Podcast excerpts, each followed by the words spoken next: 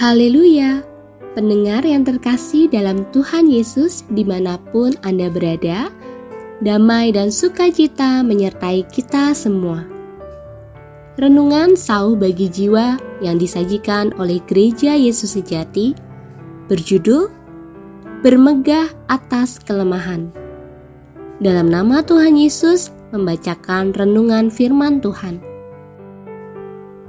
Tetapi jawab Tuhan kepadaku, Cukuplah kasih karuniaku bagimu, sebab justru dalam kelemahanlah kuasaku menjadi sempurna. Sebab itu terlebih suka aku bermegah atas kelemahanku, supaya kuasa Kristus turun menaungi aku. 2 Korintus 12 ayat 9 Sekitar 13 tahun yang lalu, saya mengalami sakit yang agak berat. Awalnya saya hanya diare parah. Setiap kali saya makan atau minum, walaupun hanya sedikit, saya akan diare.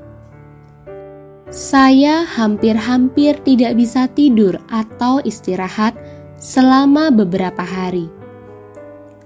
Obat diare yang biasa saya minum dan obat yang diberikan dokter yang praktek di sekitar rumah tidak berkhasiat. Akhirnya saya pergi ke dokter lain. Setelah minum obat yang diresepkan dokter tersebut, diari saya memang berhenti, tetapi muncul masalah baru. Mungkin karena obatnya terlalu keras, atau mungkin sebab lainnya saya jadi sulit untuk buang air kecil.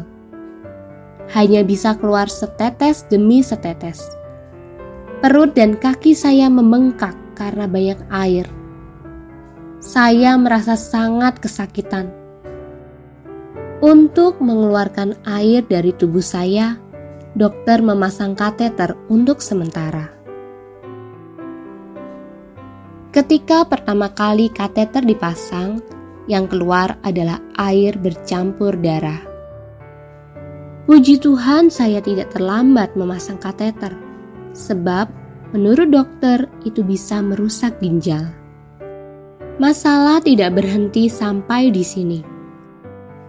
Saya masih belum bisa buang air kecil secara normal tanpa kateter. Dari USG tampak ada penyumbatan di saluran ginjal dokter menyarankan dan memang merupakan satu-satunya cara adalah dengan memasang selang di saluran ginjal saya.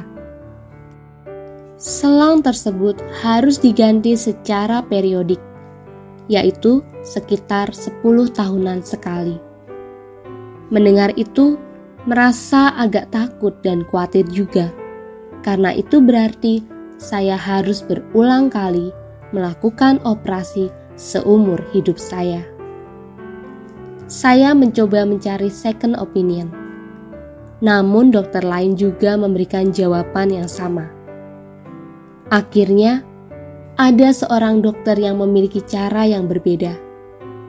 Dia juga berkata akan memasang selang di saluran ginjal saya, namun hanya untuk sementara, sekitar satu bulan.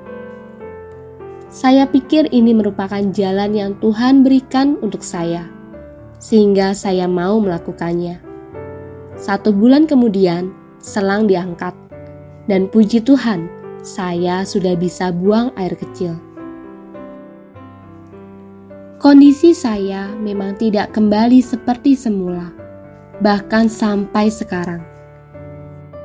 Namun, saya tetap bersyukur Sejak kecil saya sering mengalami masa-masa sulit dan Tuhanlah yang selalu menolong saya. Jadi bagi saya, Tuhan itu sangat baik. Apa pun yang terjadi, Tuhan selalu yang terbaik. Itulah gambaran dan pikiran saya tentang Tuhan Yesus. Saya sangat bersyukur ada Tuhan dalam hidup saya. Saya juga yakin jika Tuhan menyertai, sesulit apa pun hidup saya, saya pasti bisa mengatasinya.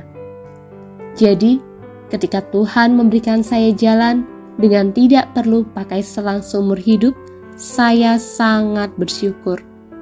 Bagi saya, itu saja sudah cukup. Ketika melihat atau mendengar ada saudara-saudari yang masih bergumul dengan penyakit atau masalah, terutama yang sudah berlangsung relatif lama, saya berdoa dan berharap agar mereka bisa lebih bersabar menantikan pertolongan Tuhan. Entah kita mendapatkan kelepasan atau tidak, yang terpenting kita tetap beriman kepadanya. Percayalah bahwa rancangannya atas kita selalu baik. Jika kita senantiasa taat dan setia, Tuhan pasti akan menyertai dan memampukan kita untuk menghadapi semua. Sebab Tuhan telah berjanji untuk tidak membiarkan kita dicobai melampaui kekuatan kita. Dia pasti akan memberikan jalan keluar yang baik walaupun mungkin tidak selalu sesuai dengan keinginan kita. Tuhan Yesus menyertai kita semua. Amin.